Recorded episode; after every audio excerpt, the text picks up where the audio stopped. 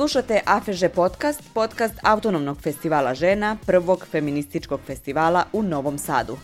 Ovo je AFEŽE razgovara i govorni program Radna žena 24-7. Tema je ženski rad i produkcija jugoslovenske avangarde i Žarka, Svi, i Žarka Svirčev iz Novog Bečeja. Dobar dan i dobrodošli na treći dan našeg teorijskog dijela AFŽ festivala. Sa nama su danas dvije sjajne drugarice, jedne fantastične žene koje obe su zaposlene na Institutu za književnost i umetnost u Beogradu i bave se sjajnim stvarima, uglavnom vezano za književnost, jedne briljantne teoretičarke, naravno iz feminističke perspektive. Žarka Svirčev će govoriti na temu ženski rad i produkcija jugoslovenske avangarde. Najpre zahvaljujem Maji na uh, najavi. Kao što je Maja najavila, uh, ja ću govoriti o ženskom radu i produkciji jugoslovenske avangarde. Naime, poslednjih deseta godina na našoj akademskoj sceni formirala se grupa mahom istraživačica koja ozbiljno problematizuje i uvodi novinu u koncepcije književne prošlosti onakve kako je znamo i to prevashodno pod uticajem snaženja jedne fantastične discipline kojom se i mi ponajviše bavimo na našem odeljenju Institutu za književnost, a to, je, to su feminističke studije periodike. I uh, kada se kako nas uče književne istorije, uh, međuratni period počeo čitati iz perspektive uh, feminističke periodike, ženskih tekstova, dakle nešto što je decenijama bilo potpuno marginalizovano u, u, u književnoj istoriografiji, polako je počela da se pomalja jedna nova i drugačija slika avangarde, avangardne književnosti u kojoj žene zauzimaju različite pozicije, različite autorske pozicije. Dakle, one i pišu avangardu, pišu uh, avangardnu poeziju, prozu, uh, književno-kritičke i eseističke tekstove. Pomenut ću samo neka od imena, reče o Jeli Spiridonović-Savić, Anice Savić-Rebac, Isidori Sekulić, predivnoj Milici Kostić-Selem. Dakle, ženska perspektiva, to je postalo jasno svim istraživačicama i istraživačima međuratnog perioda, je definitivno važan element jugoslovenske avangarde i ta istraživanja iz a, feminističke perspektive su naprosto srušile jedan od ključnih mitova o avangardi, a to je da je ona ekskluzivno muški, maskulinistički, umetnički projekat. E sada, ono što je u nekoliko a, dalje sužavalo a, naše znanje o avangardi, a, a, jesu, a, pa rekla bih, dva istraživačka problema. Sa jedne strane, o avangardi se govorilo i mislilo isključivo iz perspektive tekstova koje su muškarci pisali. Dakle, istoričari nakon drugog svetskog rata počinju da pišu preglede avangarde iz perspektiva eseističkih, memoarskih, manifestnih tekstova muškaraca i to je izrazito selektivan, selektivnost u građi. Kada smo otvorili arhive, takozvane ženske arhive, pa počeo da čitamo ženske autobiografije, biografije, pre, prepisku, eseistiku, videli smo da ta priča a, koju su nam ostavili autori, u stvari jedna velika mistifikacija, naravno sa, sa, patrihal, sa stanovišta patrihalne interpretativne norme. A druga stvar, nešto što je meni bilo posebno zanimljivo i o čemu ću reći nešto više, jeste da uh, se danas i poslednjih decenija potpuno uh, prenebregava jedna od ključnih karakteristika avangarde i mi avangardu mahom proučavamo i uglavnom kod nas iz perspektive autorskog teksta. Dakle, avangardom, avangardom smatramo ono što je napisano, objavljeno i potpisano. Međutim, to je samo jedan segment avangarde i ona je izvorno, pre svega multimedijalna, a sa druge strane avangarda bilo koji pokret, dakle bilo kakva manifestacija avangarde je bila kolektivni kolaborativni projekat, uh, dakle ona je nastupala kao jedan, jedan društveni čin i svi akteri uključeni u proizvodnju avangardnih tekstova, balova, filmova, plakata su delili dakle jedinstveno, emotivno, političko, društveno iskustvo. Tako da danas kada posmatramo samo te autorizovane tekstove, mi gubimo čitavu jednu dimenziju avangarde i to slučajno baš dimenziju gde su žene bile i imale ključnu ulogu. Dakle, ono što je mene uh, poslednje dve, tri godine zanimalo jeste to nediskurzivno autorstvo, pošto čitajući građu i prolazeći kroz različit materijal, ono što sam videla jeste da su žene bile ključne u a, finansiranju avangardnih projek, projekata i u uređivanju avangardnih časopisa. A, ja sam se više bavila i evo, nadam se, u dobroj meri, meri rekonstruisala rad dve autorke. Reč o Stojika Šiković i Anuški Micić.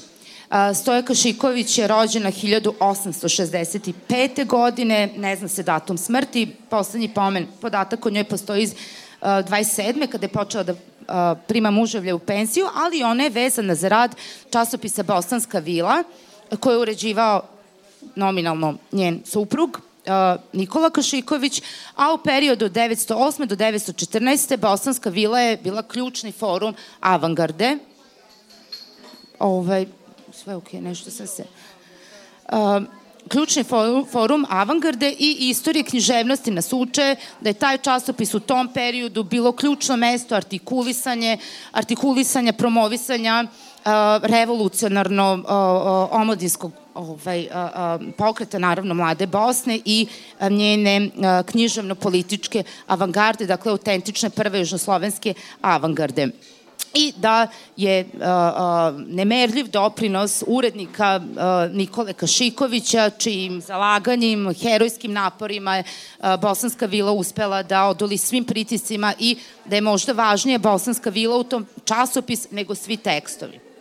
E sad, kada pogledamo memoare žena, savremenica uh, Stoje Kašiković, uh, tekstova koji su publikovani u tom periodu u feminističkoj periodici imamo jasne naznake i, i svedočanstva da Nikola Kašiković nije uređivao nego je sav posao oko časopisa radila Stoja Kašiković, jer kako kaže jedna autorka, njen muž je bio prelijen da radi to. I sve poslove ona obavljala od administracije, redigovanja tekstova, korekture, prepiske, ta autorka, u pitanju Jelica Belović Bernadžikovski, kaže, znam da dođem kod nje popodne da donesem tekst, a ona u pola četiri spava na kuhinskom stolu sa svim tim rukopisima. Pri tome je bila majka četvoro dece i vodila je posao oko uh, uh, bosanske vile i još ista ta Jelica kaže, pa kao nije stizala baš puno da čita i piše, ne znam, možemo da kažemo da je herojski bila uopšte čitala i, i pisala pored uh, svog tog uh, posla koje je obavljala. Međutim, ona je obavljala nešto što se kasnije saznalo. Uh, uh, naime, Stoja Kašiković je bila za vreme Prvog svetskog rata optužena u veleizdaničkim procesima. Ona je bila špijunka za, za Kraljevinu Srbiju i pisala je obaveštajne izveštaje, slala je pisma, a ispod poštanske markice je poštanskih markica ostavljala podatke o naoružavanju i pregrupisavanju austro-ugarske vojske i bila optužena na smrt zajedno sa suprugom i sinom. Međutim, jedina žena je koja je tokom Prvog svetskog rata bila optužena na smrt u tim procesima. Međutim, intervencijom Crvenog krsta i španskog kralja Alfonsa oslobođena je te samo mali period provela u tamnici. Dakle, vidimo da ona i izuzetna figura zato što je njen rad ukrštao dve ključne komponente bosanske vile, to je s jedne strane feministička i feminizam je, za, recimo, za razliku od zapadne Evrope i tekako imanentan jugoslovenskoj avangardi. Znači, on je od početka tu. Feminiskinje i feminističke aktivistkinje su pisale tekstove, dakle, od, od, od samih početaka avangarde mi imamo specifičnu a, a, a, oblikovanje avangardnih poetika iz ženske perspektive, što nije bilo slučaj sa zapadnom Evropom u zapadnoj Evropi nakon uh, drugog, uh, pardon, prvog svetskog rata, a problem je kod nas što smo preuzimali naravno obrazce je, ne misleći da je nadrealizam ili već ne znam ekspresionizam ono što se dešava u Nemačkoj, Francuskoj, pa to kopiramo, u stvari imamo svoju autohtonu književno-političku avangardu koja je artikulisana u okviru uh, uh, Mlade Bosne. Uh, I autorke su i tekako bile prisutne u, u Bosanskoj vili. Uh, pored feminističkih časopisa, to je jedini časopis gde su one bile prisutne na svim pozicijama.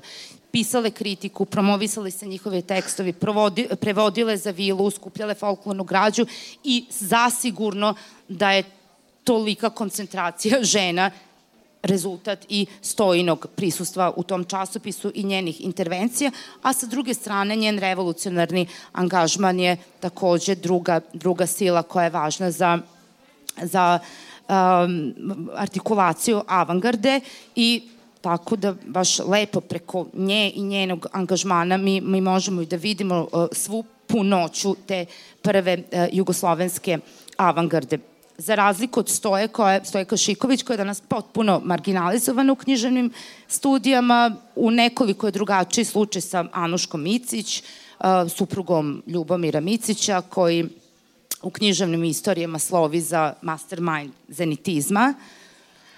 Uh, za razliku od Stoje, Anuški Micić je, nekako su je blagonaklono dodeljivali taj status muze Ljubomira Micića, svakako najperfidnije institucije patriarchalnog knjiženog sistema, jer muza je potpuno obezglašena i, i na neki način kolonizuje, pacifikuje i žensko prisustvo i ženski, ženski bunt.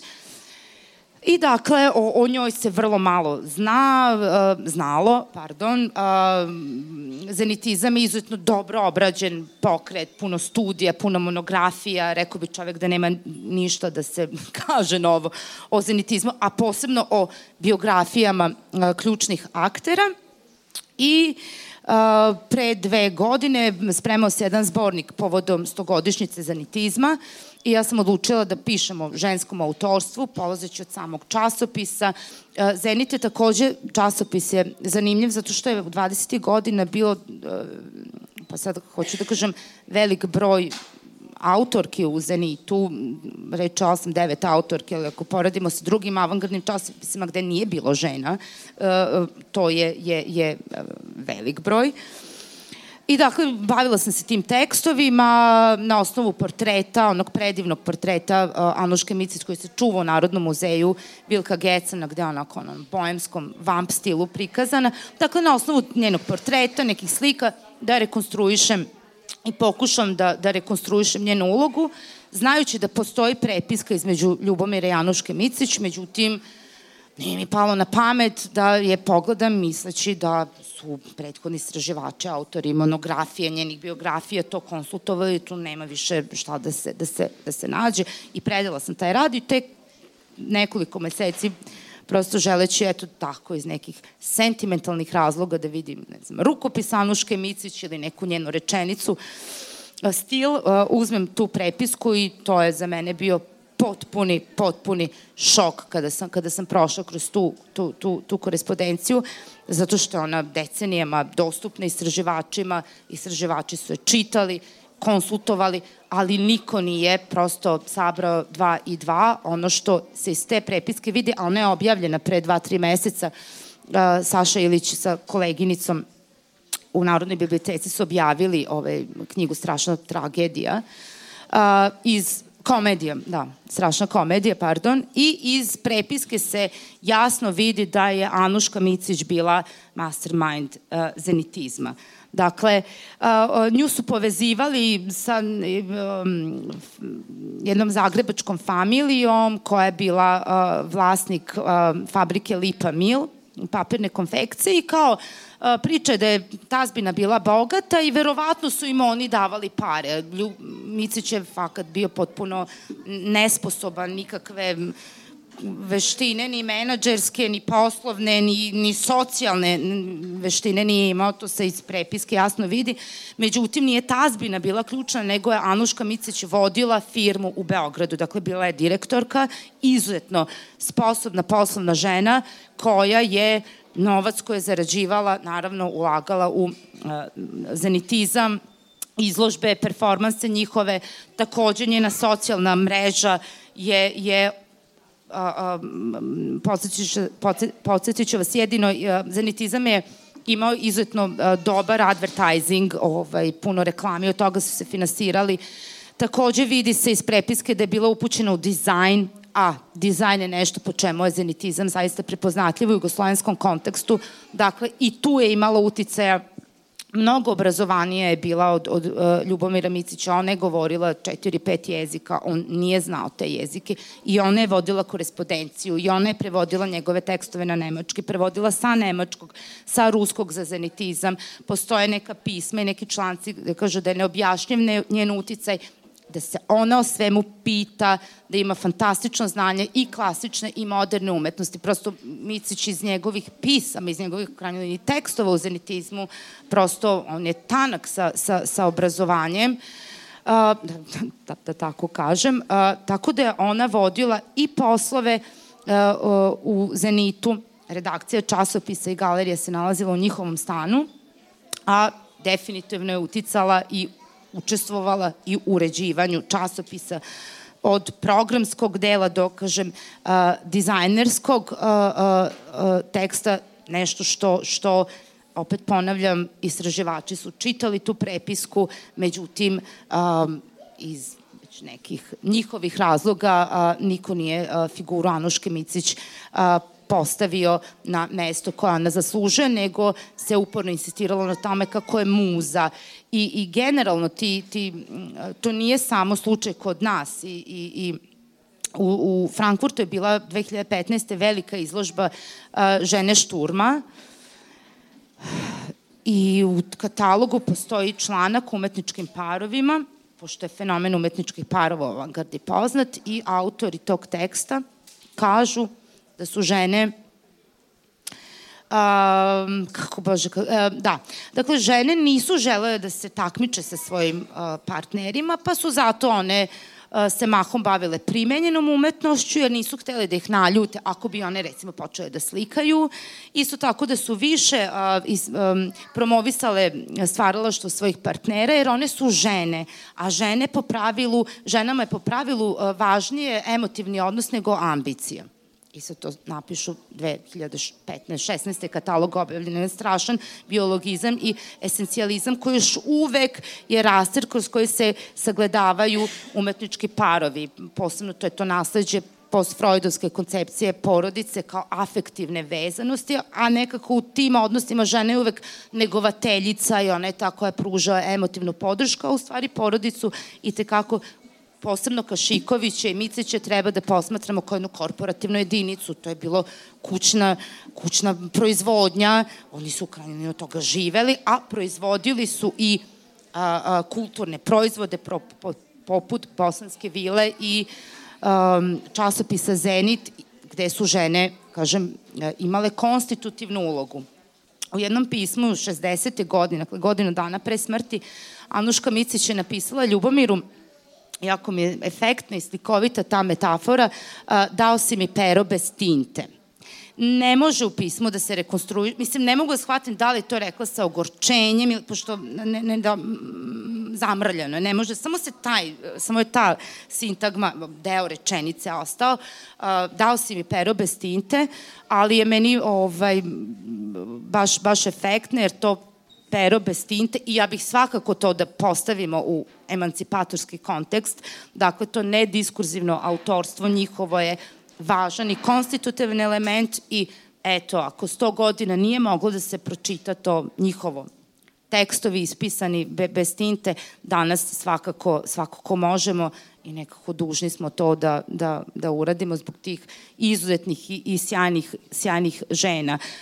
Uh, Stojka, Stojka Šiković nije ostavila uh, nikakve, nikakve tragove o, o sobstvenom delu, sobstvenom iskustvu, korespondencija Anuške Micić i Ljubomira i tekako ostavlja, ostavlja tragova. Saša Ilić je u svom izuzetnom, zaista odličnom predgovoru za, za prepisku potpuno svestan napora i doprinosa Anoške Micić, ali je nekako heroizovao njenu figuru i, i njeno uh, žrtvovanje. Um, za Micića um, ta korespondencija je vrlo potresna uh, uh, zato što je evidentno da je Micić i, emotivno i psihičko urnis, psihičko urnisao, zlostavljao je, zlostavljao je tu, tu ženu to su strašne, strašna pisma a, i nikako taj ljubavni par ne bih idealizovala u kontekstu avangarde. A, ona je definitivno svoju izuzetnost stavila u službu prosečnosti svog partnera, verujući, a verovala je na osnovu pisama u njegovu genijalnost koja tek treba da, da stalno nekako izmicala mu, ali bez obzira dakle na taj uh, pakt koja je imala sa njim i se nekako sama postavila u drugostepenu poziciju ne bismo trebali danas, ipak mislim, u svest o ograničenjima njenog, dakle, Anuška Micić nije bila feminiskinja, uh, za razliku od Stoje koja mi deluje da je mnogo, mnogo borbenija bila od nje, ali svakako je treba uh, legitimisati to njeno nediskurzivno autorstvo i prosto da uh, zenitizam u istoj meri koliko ga u kolektivnoj svesti povezujemo sa Ljubomirem Micićem, prosto treba da nekako normiramo tu sliku da je on zajednički, stvaralački, umetnički životni projekat uh, Ljubomira i Anuške Micića, odnosno Anuške i Ljubomira Micića.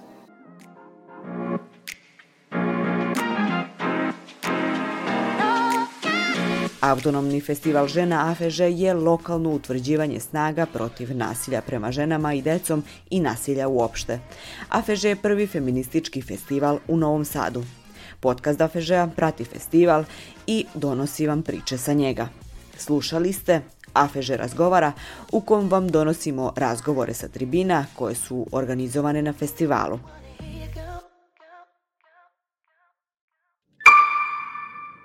Produkcija Fabrika kreativnosti